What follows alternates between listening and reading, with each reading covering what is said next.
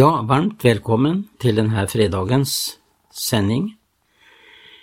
Jag heter ju Tage Johansson då, och eh, vi sen, jag brukar ha mina program på fredagsmorgonen. Jag tänkte i det här programmet eh, ägna mig lite åt axplock från vad som har skrivits under tiderna. Kan hinna med några inte alls många ting men eh, jag ska ta med några väsentliga ting som eh, talar om den tid som vi lever i. Paulus talar om den här tiden till Timoteus. Och han skriver så här, det må du veta att i de yttersta dagarnas svåra tider ska komma och hur människorna skulle vara att man ska ha ett sken av gudsfruktan men inte vilja veta av dess kraft. Och så uppmanar han, vänd dig bort ifrån sådana. Det finns mycket bra som har skrivits, verkligen väckande och eh, signaler som har varit klara och tydliga. Och det är väl det jag vill lyfta fram i det här programmet. Det har ju alltid varit så att det är en oerhörd kamp att stå för Guds ords sanningar. I mina händer så håller jag en bok som heter Den intoleranta toleransen. En bok som är utgiven på Timoteus förlag. Jag läser några rader på baksidan här. Och där står det så här. Vad händer när toleransrörelsen sätter sina klor i din församling, din familj och ditt liv? Ta offentlig ställning för sanningen, för vad som är rätt och fel och du kommer snart att bli stämplad som intolerant, fanatisk, trångsynt, ja till och med farlig för samhället. Och jag hittade också eh, en artikel som jag skrev i Midnattsropet eh, 2014. Det är de här korta bibelstudierna. Och där handlar det om trons kamp i den här artikeln. Att eh, jag läser några rader från den här artikeln. Att gå trons väg innebär att vi kommer i konflikt med antidiskrimineringslagen, agalagen, abortlagen och, och alla andra lagar som undergräver vad som är sant och riktigt i en helig gudsfruktan. Så ett citat då från andra Timoteus 3 och 12. Så skall alla de som vilja leva gudfruktigt i Kristus Jesus få lida förföljelse. Det har skrivits, som sagt var, eh, artiklar som verkligen har varit eh, väckande och vägledande och sanningsenliga framför allt.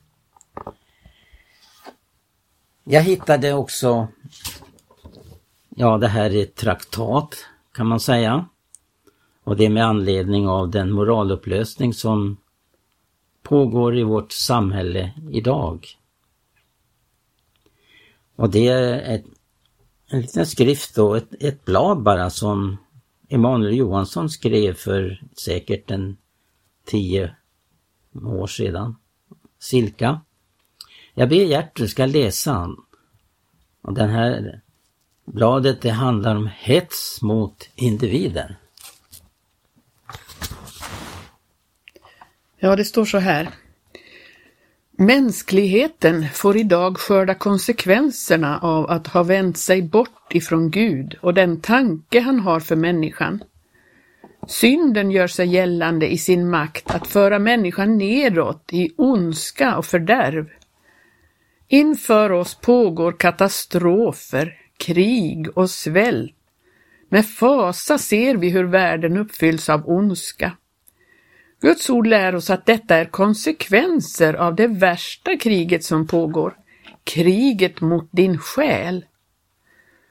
Synden angriper, infekterar och intar människans begär och drifter och ju mer utrymme och inflytande den får, desto mer blir själen lidande.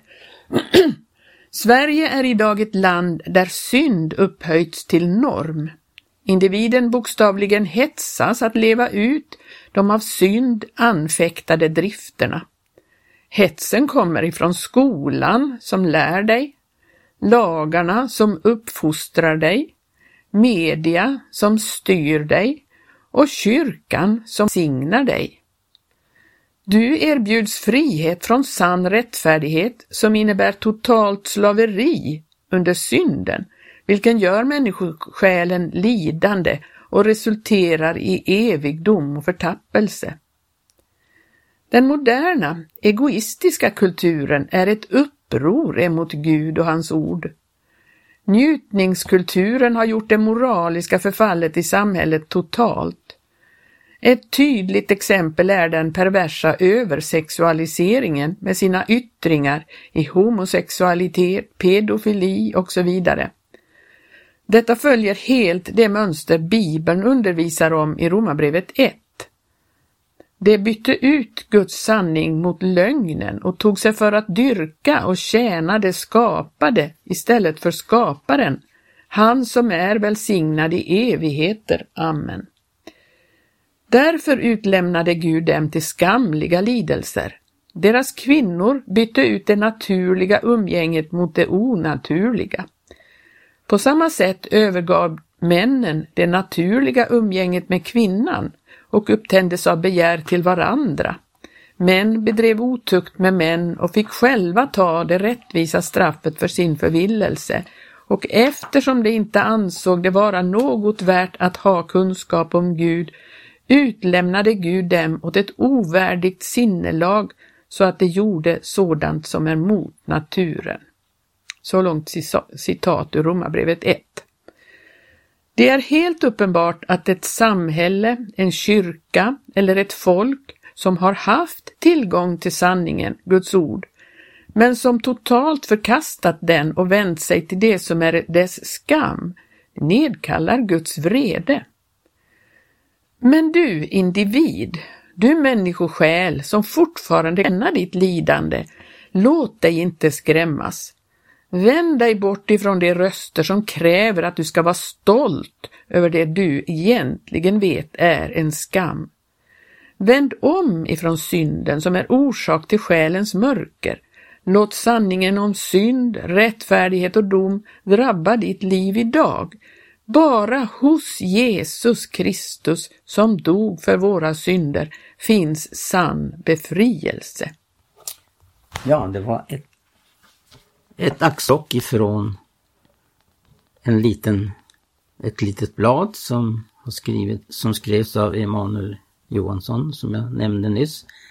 Hets mot individen. Het, står det som rubrik. Ja, som jag sa då så vill jag i det här programmet ta fram några artiklar eller andra ting som har skrivits. Jag hittar också i tidningen Midnattsropet. Eh, den eh, har ju varit en väckande signal. Och eh, det har skrivits en hel del där som har varit vägledande. Jag hittar en artikel, eh, det är bara en, en, egentligen en citat ifrån en annan skrift som Arne Insen skrev 62. Och det handlar om det här som eh, vi kallar för sjökoväsenet där man går med ena foten i till exempel i kristendomen och den andra foten i politiken. Och tror sig att eh, veta att man kan förena de tingen. Det ska vi också Gertrud läsa här ifrån eh, den här artikeln.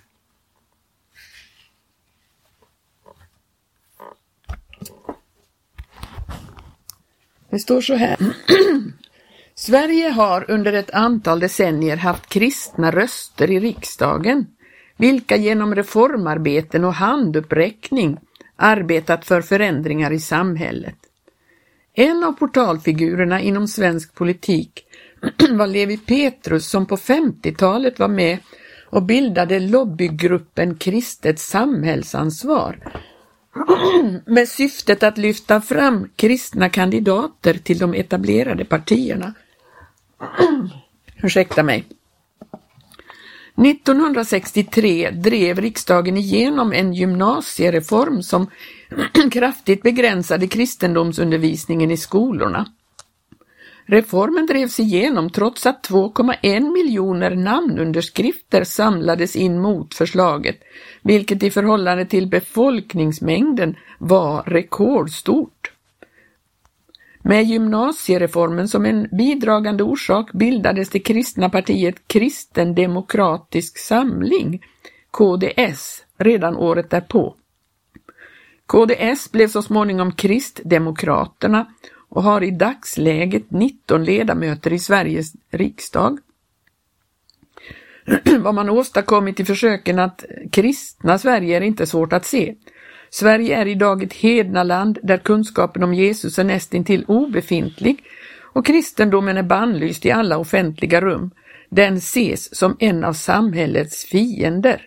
Redan 1962 innan KDS bildades så höll Arne Imsen ett tal som publicerades i Midnattsropet där han påminner om församlingens ställning i tiden. Han skriver så här, och det här är från 1962. Det är valtider. Låt oss nu se på det ting man börjat syssla med under dessa avfallstider. Det är valtider och det är därför naturligt att vi börjar med politiken. Tror ni för ett enda ögonblick, älskade vänner, att Herrens vittnen har sin plats i de politiska rådsförsamlingarna? Det tror inte jag. Och det trodde inte heller Levi Petrus på 30-talet. År 1931 försvarade han sig inför frikyrkligheten därför att de anklagade pingströrelsen för att den inte ville syssla med politik. Pastor Petrus sade då Vi tror att om människor blir frälsta, detta utövar ett så gott inflytande över samhället att vi lika mycket som någon annan, ja kanske mer, är med i arbetet för förbättrandet av samhället. Det är en politik som ligger på vårt hjärta. Det är himmelrikets politik. Vi tror på det rike som ska komma. Här är vi gäster och främlingar som alla våra fäder. Guds ord visar att när Guds församling varit i en rätt ställning har den väntat Jesu tillkommelse. Då det gäller de politiska partierna vill jag framhålla som min absoluta övertygelse att det inte finns något kristet parti. Samtliga bär vilddjurets bild och det är därför det med så stor tillfredsställelse går hand i hand med den avfälliga kristenheten. I verkligheten avskyr dess representanter den törnekrönte konungen och hatar hans kors som är symbol av smärta och skam, människosläktets synd, skuld, liderlighet, sjukdom och förbannelse. Kristets samhällsansvar, som det så talande heter, är ett försök att skapa opinion för kristen livssyn och detta tror man ska kunna ske med både kristna och icke-kristna, ideella och politiska krafter.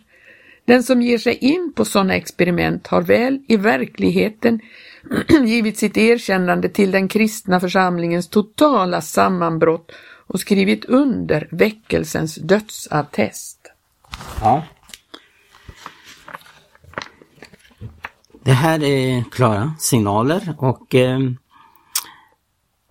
vi upplever hur nödvändigt det är att signalen är tydlig För om inte den är tydlig, om inte eh, basunen ljud är tydlig, vem gör sig då redo till strid? Så skrev Paulus. Jag tänker också på att vi lever då i en tid som eh, präglas av eh, omvälvande händelser. Jag tänker också vad som har skrivits ner under åren med tanke på att eh, Gud har varnat sitt folk. Han har varnat den här nationen. Och han också har ställt den här nationen inför ett val i det att väcka Guds folk till förbön. Jag tänker på Birger Claessons syner. Och jag tänker på, ja, vi har Anton Johansson. Vi har den här kvinnan i Valders i Norge som fick uppenbarelser om den sista tiden. Och eh, det är varningssignaler. Och eh, faktum var att de här varningssignalerna förmådde att väcka Guds folk till förbön. Man gick in i förbön och fasta. Och eh, det blev också i samband med det på 50-talet en förnyelseväckelse här som vi fick uppleva i vårt land. Det som var med då känner till det. Stora förändringar skedde, ett uppvaknande. Men Birger Claessons syn var ju detta att det skulle komma en eh, invasion 53 här i vårt land. Men att om Guds folk omvänder sig och eh, söker i bön och fasta så skulle Gud sätta det här på framtiden. Vi upplever idag att eh, krigshotet är mer allvarligt än någonsin. Som någon har också uttryckt det från militära håll att vi har inte upplevt så allvarligt läge sedan andra världskriget. Men de här uppenbarelser som Gud ger tjänare, sina tjänare, det är ju för att eh, eh vi ska eh, ta oss tillvara. För att inte dragas in i det eh, ogudaktiga sammanhang. Utan det gäller verkligen att eh, vi upplever den rening som är nödvändig för oss med tanke på att eh, Jesu tillkommelse står för dörren. Och eh, Gud i sin nåd och kärlek, han eh, går också till rätta med människor. Både enskilda, församling och som nation. Och nu då vi står inför ett sådant allvarligt läge idag och förstår att eh, det närmar sig en katastrof så är det så viktigt att eh, hålla människor informerade. Och att eh, man inte bara är redo för uppryckandet utan också om man ska kunna möta en svår situation. Att man upplever att har man frid med Gud så hjälper det var och en att möta svårigheter och prövningar. Det finns ju en frid som Gud ger, står det, som övergår allt förstånd och bevarar våra hjärtan och tankar i Kristus Jesus. Men i det stora hela grundorsaken är ju egentligen för Guds folk att den första kärleken har gått förlorad. Och Jesus säger ju också att kärleken hos de flesta ska kallna i den sista tiden. Och när vi upplever det så är det så viktigt att förnyas i den första kärleken. Och jag tänker på eh, vad eh, Johannes, aposteln Johannes skriver i, i ett av sina brev. Hur den som upplever Guds kärlek i sitt hjärta upplever frimodighet och att kärleken driver ut räddhåga. Eh, Människor kommer ju allt mer och mer uppfyllas av oro inför det som ska övergå världen. Och eh, man till och med som Jesus säger att man ska uppleva andan av förskräckelse över det som ska övergå världen. Men eh, aposteln skriver att kärleken driver ut räddhågan. Och den som inte är fullkomnad i kärleken upplever att han är eh, i en sån situation att eh, denna kärlek inte eh, är det som kommer att dominera i människan, hos människan, den troende människan. Och få uppleva att en fullkomlig kärlek driver ut räddhågan. Ty räddhågan ligger tanke på straff och den som redes är icke fullkomnad i kärleken, skriver då aposteln. Det är ju väldigt viktigt det här hur Bibeln uppmanar oss att ta vara på Guds ord. Vi har fått några glimtar här genom ett axplock ifrån det som har skrivits under gångna tider. Och så förstår vi väldigt tydligt och klart innebörden i vad eh, Johannes skriver också då i femte kapitlet, första brevet. Och där står det i den tredje versen. Ty däri består kärleken till Gud, att vi hålla hans bud, och hans bud är icke tunga. Ty allt som är fött av Gud, det övervinner världen, och detta är den seger som har övervunnit världen, vår tro. Det är två ting som går, alltid går hand i hand. Det är eh, tron och kärleken. Det är ju det som också kommer att, och som också kännetecknar vår tid. Att just kärleken till sanningen går allt mer förlorat hos Guds folk. Och det är det som är, man kan kalla det för katastrofkurs. Kärleken till sanningen. Och få uppleva att det finns ingenting annat, annat än sanningen som kan göra oss fri. Och inget annat än sanningen förmår vi något. Vi förmår ingenting annat än med sanningen. Sanningens ljus som går ut ifrån Jesus Kristus som personifierade sanningen och eh, som är sanningen. Och det är det som är det är helt, det är helt avgörande för vår tid, var vi står inför Guds ords sanningar. Därmed får vi tacka för den här gången och eh, önskar dig Guds välsignelse och på återhörande.